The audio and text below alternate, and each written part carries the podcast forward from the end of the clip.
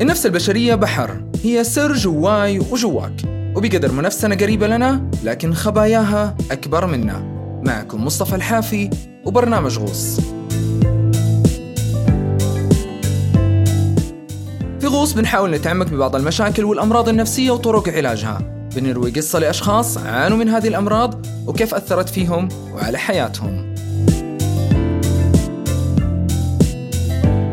في عام 2017 عرضت أول حلقة من المسلسل الإسباني الشهير لكاسا دو بابيل المسلسل بيتكلم عن قصة عصابة بتقوم بعملية غاية في العبقرية لسرقة بنك صك العملة الإسبانية. المسلسل رائع. وأطمنوا ما حأحرق عليكم الأحداث.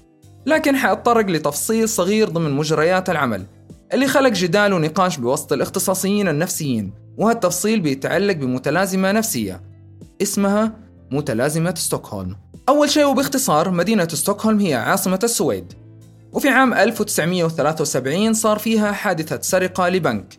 الحرامي أخذ أربع رهائن من موظفي البنك واحتجزهم لمدة ست أيام. وخلال فترة احتجازهم صاروا الرهائن يبدو نوع من التعاطف مع الحرامي. مع أنه وصلت الأمور أن الحرامي حدد موعد لقتلهم في حال ما تجاوبت السلطات معه. لكن تم تحرير الرهائن باليوم اللي المفروض يقتلهم فيه.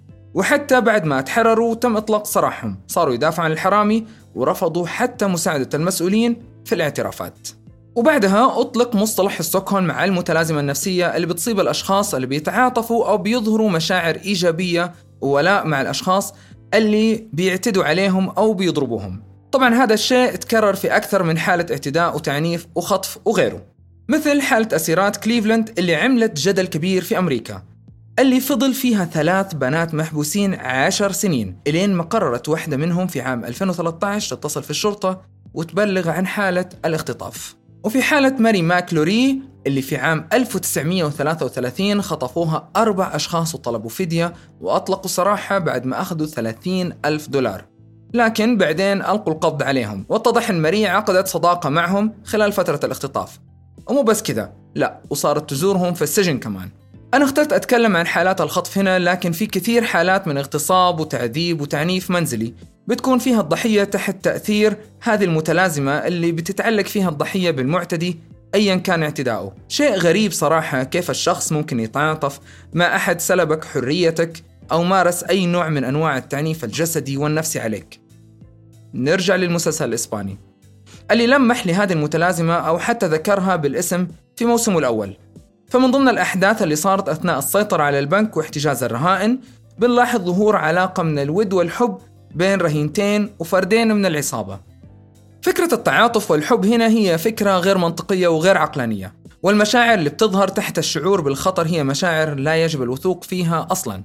لأن بالغالب هي مشاعر مؤقتة نتيجة الضغط اللي بتتعرض له الضحية وممكن تختفي بعد زوال الخطر.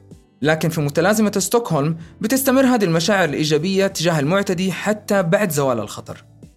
السبب بظهور هذه المتلازمة عند بعض الضحايا غير واضح إلى الآن.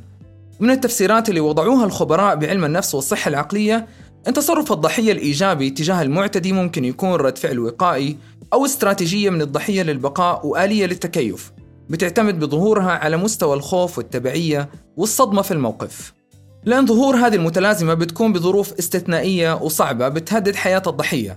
فبمجرد التعامل اللطيف من قبل هذا المعتدي وبوجود عزلة عن المحيط اللي بدوره بيعطي وجهة نظر مختلفة بتجعل مشاعر الضحية تكون مبنية على الجانب العاطفي فقط.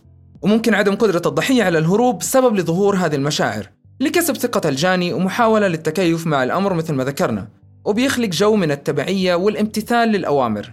بعض علماء النفس أصلا بيشككوا في هذه المتلازمة وبيعتبروها ببساطة غريزة البقاء. وأن الأعراض اللي بنشوفها من المصابين هي استثناء للقاعدة وسلوك غير معمم وغير قابل أصلا للتعميم.